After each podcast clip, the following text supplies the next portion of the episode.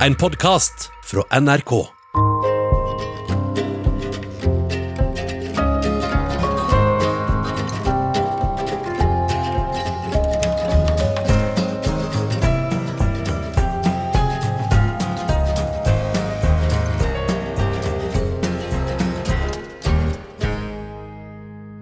Jeg står inne i et klasserom sammen med en dirigent som ber meg spille en C-dur-skala, og jeg spiller, men med for høy andrefinger, og det blir helt feil. Så ber han meg om å spille en E-moll-skala, og det blir riktig når han viser meg hvilken finger jeg skal begynne med, førstefinger på D-strengen. Til slutt må jeg spille et utdrag fra dobbeltkonserten, og han spiller andrestemmen med meg men når jeg skal gå opp i tredje posisjon, så flytter jeg hånda for langt og må stoppe. Dirigenten sier at det ikke gjør noe, og at han har fått det han trengte. Han vet hvor han skal plassere meg. Jeg heter Maria Navarro Skaranger, og du hører nå på Sommer i P2. Til daglig jobber jeg som forfatter. Jeg har skrevet to korte romaner, den siste, Bok om sorg, fortellingen om Nils i skogen, kom ut i 2018. Den korte teksten som jeg leste for dere nå, skrev jeg på Nansenskolen i 2014. Og det var også på Nansenskolen at jeg skrev min debutroman Alle utlendinger har lukka gardiner. Da var jeg 20 år, og hadde gått ett år på skriveskole. Før dette hadde jeg aldri skrevet mye. Jeg skrev kanskje noen noveller på skolen, kanskje litt dagbok på videregående, men jeg hadde egentlig ikke en sånn drøm om å bli forfatter. Det bare ble sånn. Hva gjorde du før du begynte å skrive, da, lurer kanskje du på. Hva drømte du om? Jeg skulle bli fiolinist. I alle fall da jeg var barn. Lenge var det fiolinen som var min hobby ved siden av skolen. Jeg har gått på både taekwondo, fotball og turn, men fiolinen var den fritidsaktiviteten jeg holdt på med lengst. Jeg spilte nemlig fiolin i over tolv år. Og fiolinspillinga har prega meg enormt, men det er noe jeg sjelden snakker om i intervjuer og boksamtaler. Jeg skal i den neste timen snakke om min tidligere karriere som andrefiolinist i Groruddalen Strykeorkester og Nordstrand Ungdomssymfoniorkester, som er der jeg tenker at jeg hører hjemme.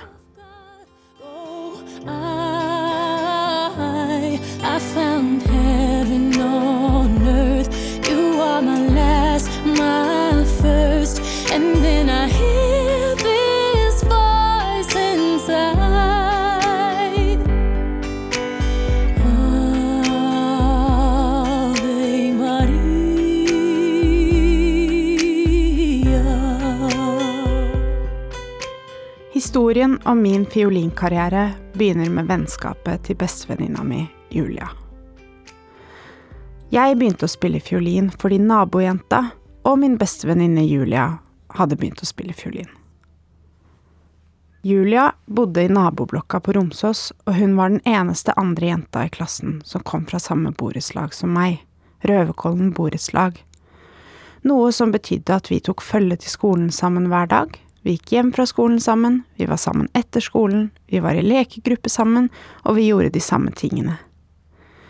Julia og jeg var nesten som søsken på barneskolen, og lenge gikk vi rundt og sa at vi var tvillinger. Hun, en tynn, bleik og liten norsk marokkaner, og jeg, en halvtjukk, ganske høy og solbrun norsk chilener. Da Julia begynte å ta fiolintimer på Nordtvedt skole, var det derfor helt naturlig at jeg også skulle gjøre det samme.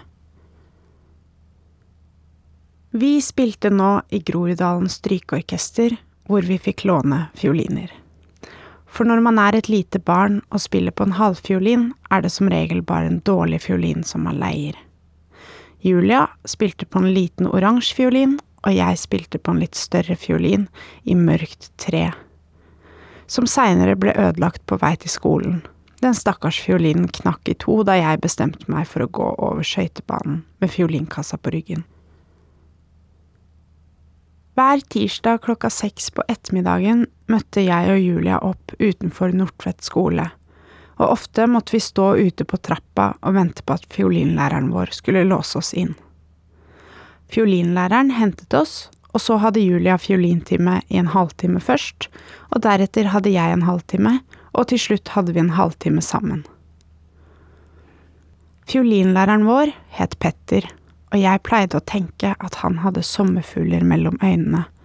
Han hadde små føflekker innerst ved neserota, over og under øyelokkene.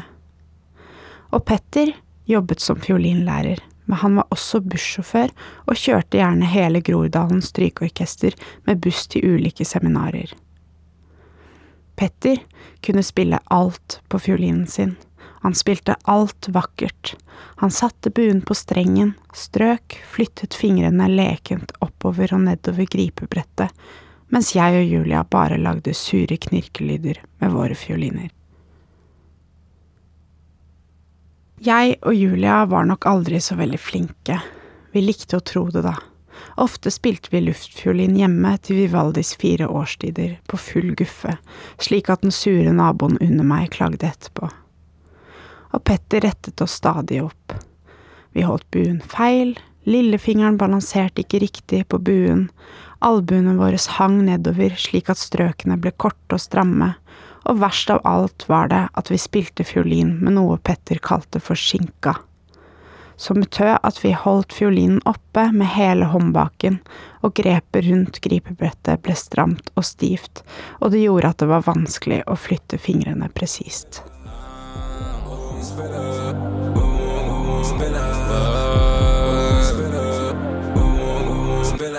Hver dag er ramadan. La meg leve bra, brusa mashallah. Ikke tenk, tenk, hver dag er ramadan. La meg leve bra, brusa mashallah.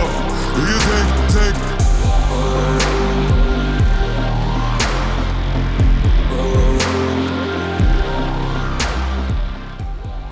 Jeg heter Maria Navarro Skaranger, og du hører nå på Sommer i P2. Dette er også en historie om mødre, for både jeg og Julia er oppvokst hos mødrene våre. Mora mi kjørte oss til fiolinspillinga på Nordtvedt i sin lille sølvfargede Ford Fiesta, en bil jeg var flau over fordi jeg skamma meg sånn over at vi hadde en stygg og gammel bil. Alle andre i klassen hadde nyere biler, mente jeg, eller de hadde ikke biler i det hele tatt, og da var de jo på en måte fritatt fra det problemet. Mora til Julia henta oss etter fiolinspillinga, men hun kom med T-banen etter jobb, noe som gjorde at tirsdagens store høydepunkt for meg og Julia og lillebroren til Julia, som ofte var med på slep, var å mase oss til sjokolader og kompastiller og appelsinjuice fra Narvesen på vei hjem. Følging og henting til fiolinspillinga gjorde mødrene våre to ganger i uka i mange år, i tillegg til at de også var med på vareopptellinger på Meny Grorud, hadde orkestervakter, øvde med oss, kom på konsertene våre og hadde med kaker til diverse avslutninger. Jeg tenkte aldri over dette da jeg var yngre, men i dag forstår jeg at vi vokste opp med mødre som jobba utrolig hardt for at vi skulle kunne gå på en fritidsaktivitet. Og fiolinspilling er heller ingen billig fritidsaktivitet å ha. Da jeg spilte fiolin, kosta det over 100 kroner i kvarteret å ha en privattime, og en slik time varte gjerne i en halvtime tre kvarter. Dette var prisen utenom kontingent, utstyr og medlemskap. Så dyrt var det å spille fiolin at jeg gjerne kunne finne på å skryte av det til andre på Romsås. Si ploguessin sant els bitllets pels aires. Dia per Mumbai i el següent a Malta. Sempre ben escoltada, prova de bala. El que voldria és tenir un Bentley de color blanc i un de color verd. Però tot això sé que no ho puc fer fins al dia que tingui molts diners. El que voldria és Groruddalen strykeorkester var et ganske beskjedent orkester. Vi besto av kanskje fem eller seks faste strykere. Fire fiolinister og to cellister. Vi spilte ofte konserter i Rødtvet kirke for foreldrene våre, men også rundt omkring i Grorud bydel. På Grorud senter, på det tomme og ganske triste Romsås senter, langs Alnaelva på Ammerud. Jeg og Julia brukte også å ha intimkonserter for klassen på barneskolen, der vi spilte førstesatsen fra Bach sin doble fiolinkonsert i d-moll. Et kjent stykke for alle praktiserende og pensjonerte fiolinister der ute, og et stykke som har hjemsøkt meg i mange år. Jeg ble liksom aldri helt ferdig med fiolinkonserten til Bach. Den ble dratt fram med jevne mellomrom under hele min tolv år lange fiolinkarriere. Det er derfor et stykke jeg i dag ikke liker særlig godt, enda det fremdeles sitter i fingrene mine. Jeg er helt sikker på at jeg fremdeles kan spille de første taktene av den konserten. Jeg skal derfor ikke spille Bachs dobbeltkonsert for dere nå. Den kan dere finne selv på internett. Jeg skal heller spille en hyllest til Julia, nemlig en av Julias favorittsanger.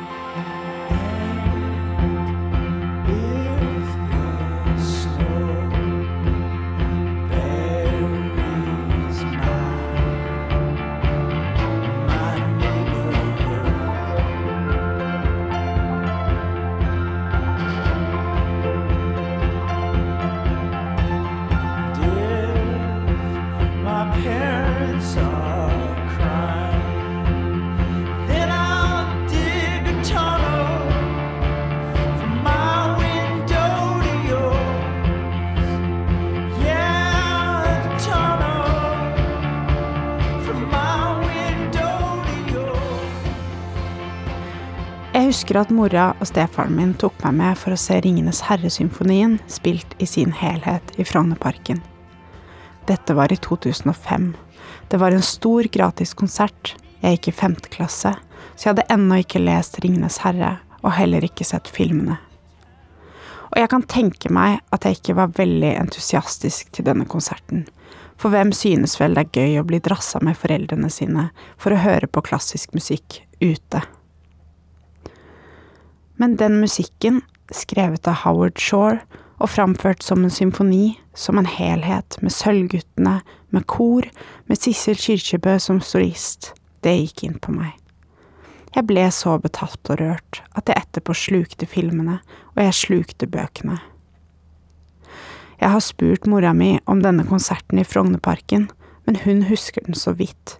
Hun lurte mer på om jeg husket den gratiskonserten med a-ha. Det kan ikke ha vært lenge etterpå at jeg fikk Ringenes herre musikkhefte, som var det eneste jeg ville spille på fiolin.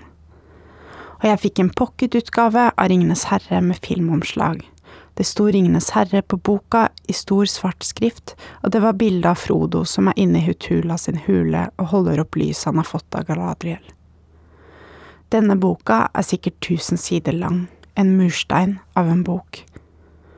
Og jeg satt under pulten med den svære boka da vi hadde lest inn på skolen.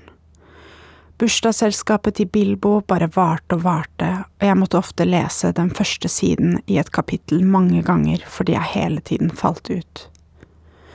Men jeg leste hele trilogien. Jeg brukte sikkert et år på å bli ferdig, for det var så vanskelig. Og dette var jo tross alt i den alderen vi fremdeles ble testa i leseferdigheter på skolen. I flere år seinere ble Ringenes herre min store besettelse.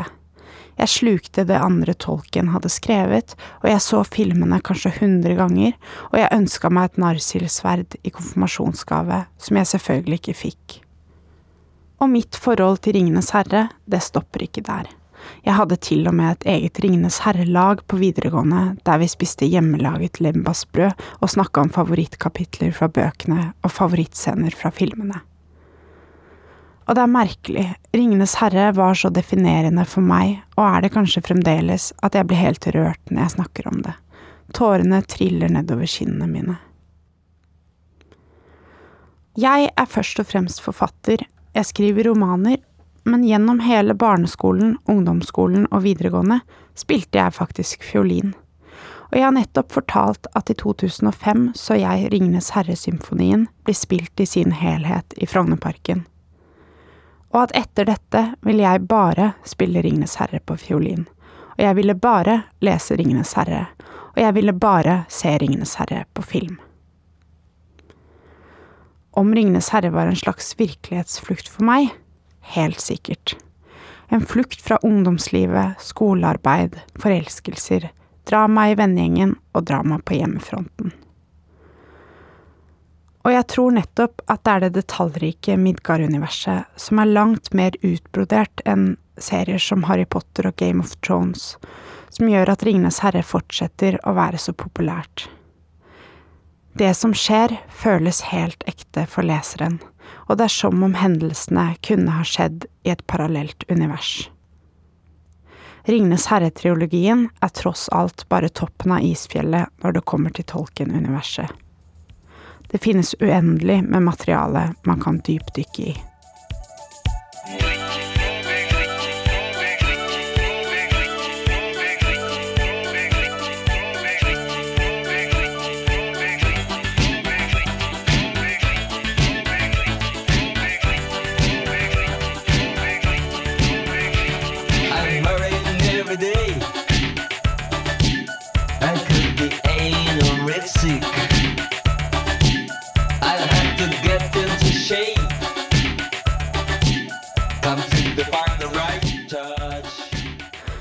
I sjuende klasse slutta bestevenninna mi Julia å spille fiolin. Hun ble vel lei, og det forstår jeg godt. Jeg var ganske lei selv og ville slutte, jeg også. Groruddalen strykeorkester var nå et enda mindre orkester.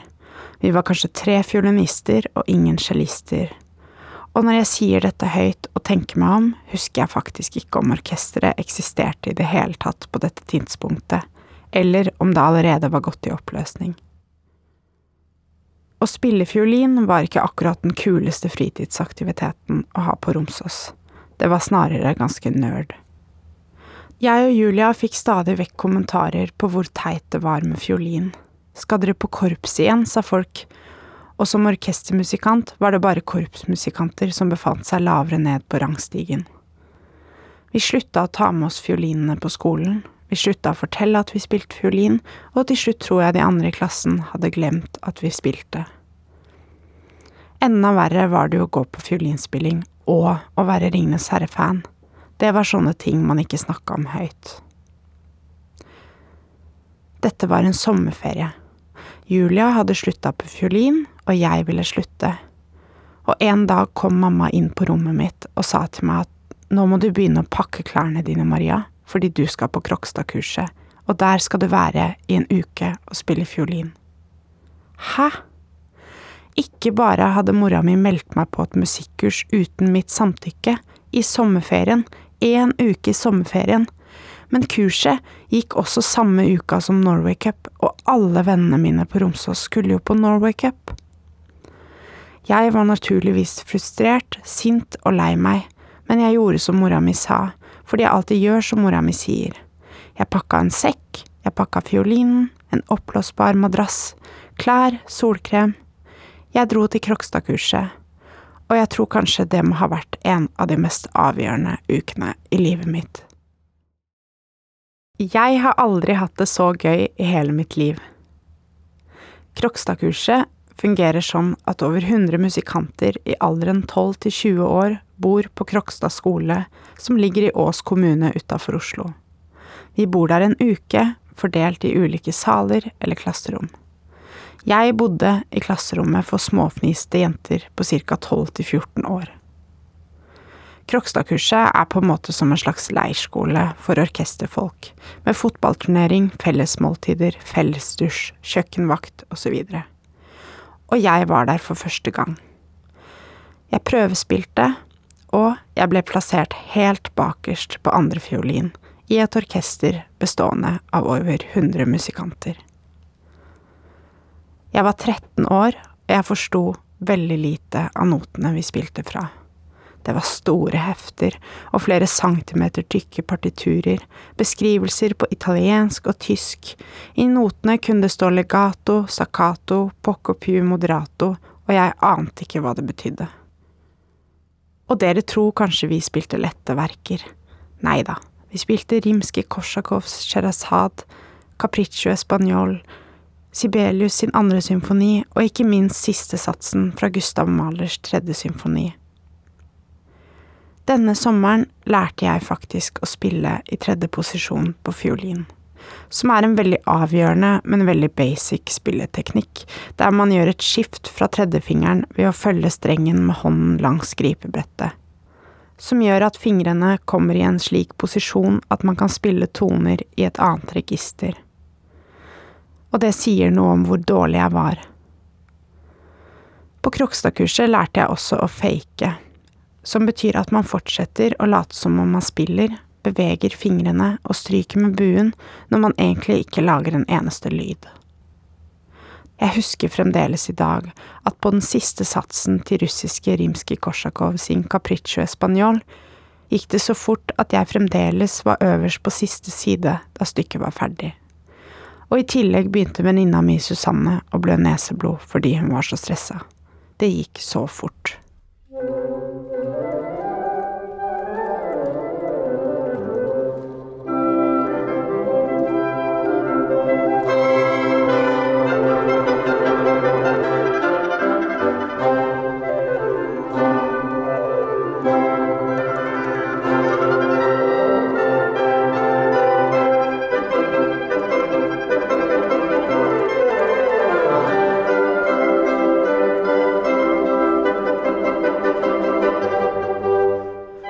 Fikk høre overtyren til Mozarts Figaros bryllup. Et utrolig morsomt stykke å spille i orkester. Lekent og lett, men også svært vanskelig. Krokstadkurset skulle bli et sted jeg vendte tilbake til mange ganger. Som andrefiolinist, seinere som førstefiolinist, og de siste gangene jeg var der, spilte jeg bratsj. Og det var noe uhåndterlig stort og uforståelig jeg møtte på Krokstad-kurset den første gangen som 13-åring. Jeg forsto ikke notene. Men det gjorde egentlig ikke så mye. Fordi jeg i en alder av 13 år nå oppdaga musikken, og jeg følte den. Og det var faktisk en aha-opplevelse for meg. For min del tror jeg kanskje at følelsen av å spille et instrument nærmer seg det å skrive. Jeg skal prøve å forklare. Jeg snakker om når man setter seg ned med pennen og papiret, eller ved PC-en, og skal til å skrive. Det som skjer når teksten blir til. I løpet av noen få sekunder, enten det er med en tekst eller musikk, arbeides noe fram. Jeg konsentrerer meg, samler meg, slik at dette noe som skal bli til, slippes løs. Jeg vet ikke helt hva jeg oppdaga på Krokstad-kurset, men kanskje handla det om å hente fram en kraft inni meg selv for å kunne spille. And you got me like, what you want from me? What you want from me? And try to buy your pretty heart with a price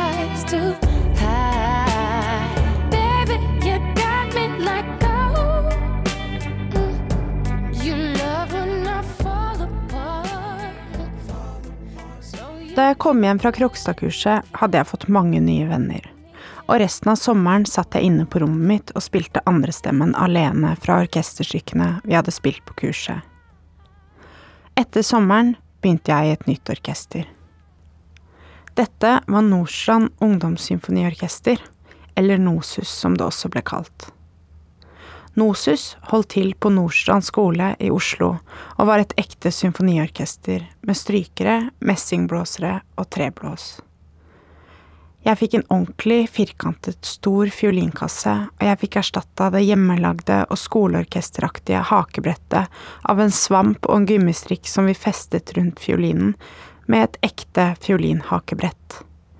Jeg fikk også min helt egne fiolin til konfirmasjonen, med vakker brun rygg. Nosus var et orkester som holdt et helt annet nivå. Det ble krevd at vi øvde jevnlig, vi hadde øvinger én gang i uka fast, i tillegg til hundrevis av seminarer, turer og konserter. Orkesteret ble ledet og dirigert av tidligere filharmoniker Jon Vestby, et av de varmeste og mest tålmodige menneskene jeg har møtt. En høy mann med brunt hår og brun bart og alltid kledd i sort. Som dirigent har man enormt mye å passe på. Man skal være tydelig, slå inn riktig instrumentgruppe til riktig tid, man skal telle, man skal passe på dynamikken. Men tenk å holde styr på 50 superpubertale ungdommer i tillegg. Jon kunne sette oss i gang med å spille et stykke, men måtte stadig vekk avbryte fordi noen spilte feil, og hver gang han stoppet oss, begynte vi å skravle. Eller noen begynte å spille Fairytale av Alexander Rybak. Eller noen begynte på sin egen fiolinsolo. Det er alltid så mye bråk med ungdommer, og alltid mange gjesp. Men Jon var aldri sint, slik dirigenter ofte kan være, for det var jo noen dirigenter som kalte oss for et barnekorps for evneverket, og noen dirigenter som pekte på enkeltfiolinister og ba dem spille høyt, alene, foran alle de andre. Jon var tålmodig, varm, og jeg husker da vi var i England og spilte konsert foran Liverpool Royal Youth Orchestra, som høres veldig fint og flott ut, og det skar seg helt, cellistene kom inn feil, stykket falt fra hverandre, det lød usikkert og haltende, og en av førstefiolinistene la ned fiolinen og gikk, til og med. Jon var fremdeles like blid. Nosus var først og fremst et viktig sted å være for oss ungdommene. Vi fikk høre til et sted, og jeg tror mange av oss fikk muligheten til å utfolde oss fritt som nerder. Det var jo ikke akkurat kult å spille fiolin på Romsås, og jeg tror egentlig ikke det er en kul hobby å ha noen steder. Men i orkesteret var det plutselig helt greit å bare snakke om fantasybøker, for alle andre likte jo også det. Ofte måtte jeg ta bussen etter skolen fra Romsås til Nordstrand. Først bussen fra Romsås til Grorud, deretter 79-bussen fra Grorud over Furuset og gjennom Lindeberg, Haugerud, Tveita, Oppsal, Bøler, Bogerud, Skullerud, Lambertseter, og til slutt stoppet den på Sæter på Nordstrand. Det kunne fort ta over en time på den bussen. Jeg tenker i dag at fiolinspillinga har vært avgjørende for at jeg har blitt forfatter. Men om jeg graver litt dypere i meg selv, tror jeg at det var like avgjørende at jeg kom inn i et miljø der hvor jeg fikk lov til å holde på med det jeg likte best. Det var orkesteret som gjorde at jeg søkte meg til Foss videregående skole, og på Foss fikk jeg min egen Ringenes herreklubb, og derfra var ikke veien til forfatteryrket lang for min del. Tilbake til foreldrene, mødrene i mitt tilfelle, som jobber, som følger, henter, venter etter jobb, har vakter, blir med på dugnader, alt dette for at barna deres skal få være med på en fritidsaktivitet. Mora mi og mora til Julia fulgte og hentet oss to ganger i uka da vi spilte fiolin på Nordtvedt. Og mora mi og stefaren min hentet meg to ganger i uka på orkester på Nordstrand. I mange år, helt til jeg ble 19 år, enda jeg aldri øvde spesielt mye og aldri var noe særlig god på fiolin. En av de fineste erfaringene jeg har fra min tid i orkesteret, er i dag alle gangene mamma kom og henta meg i den lille bilen sin på Nordstrand. Det er seint på kvelden. Det er en torsdag. Etter øvelsen pakker alle sammen kassene sine, sier ha det og løper ut på parkeringsplassen der foreldrene venter inn i biler. Mamma har åpna bildøra for meg innenfra, og jeg setter meg og hun har bare én radiokanal i den lille, slitte, gamle bilen, som jeg lenge var flau over, men som jeg i dag elsker å kjøre rundt i selv. Radioen spiller et stort orkesterverk når jeg kommer inn, men jeg kommer midt i konserten, og derfor må jeg og mamma gjette oss fram til hvilken komponist som blir spilt hele kjøreturen hjem. Her er det mange kromatiske skalaer, det må være Sibelius, kunne vi si. Eller hør her, dette må være Mozart. Først etter at radiokonserten er ferdig, forteller programlederen hva og hvem vi har hørt på. Hvis stykket ennå ikke var over før vi var framme, måtte vi kjøre rundt i ring i Oslo. Noen ganger gjettet vi riktig komponist, men stort sett var det feil.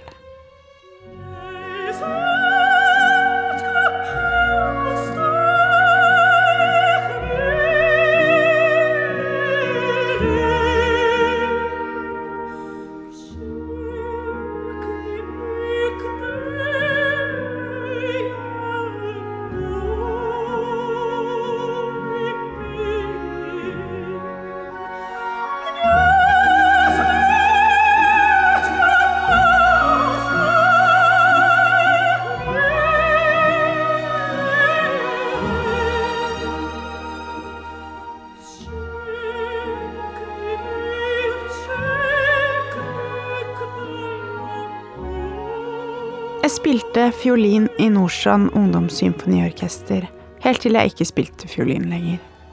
Da var jeg 19 år og ferdig med videregående. Og nå, i en alder av 26 år, er jeg blitt forfatter. Jeg holder på med noe helt annet. Jeg har lagt fiolinen bakerst i skapet. Jeg tar den aldri fram, bare når jeg vil vise noe. At jeg for eksempel kan spille Game of Thrones-melodien. Men det er sånn med fioliner at de krever å bli spilt på, tatt på. Det skjer noe med lyden i dem om man ikke holder dem ved like. Lyden blir litt flat, kanskje, og tynn, og det går heller ikke lang tid før man selv virkelig blir rusten som spiller. Av og til tar jeg meg selv i å være hoven og arrogant. Når kjæresten min har oppdaga filmmusikk og Hans Zimmer, sier jeg at den type musikk er vulgær, pompøs, og det er sånn musikk jeg hørte på da jeg var 13. Det er nerdens hevn. Av og til kikker jeg på de gamle notene mine, jeg spiller litt i lufta med fingrene. Og det er trist at jeg har brukt så mye tid, så mange år på den fiolinspillinga, og nå er det bare blitt noe fjernt. Kanskje skal jeg hente fiolinen fram igjen, stramme buen, ta på harpiks, sette på hakebrettet, stemme fiolinen. Jeg merker når jeg kikker på skapets lukkede dører, at fiolinen ligger der inne. Og kanskje venter den på meg.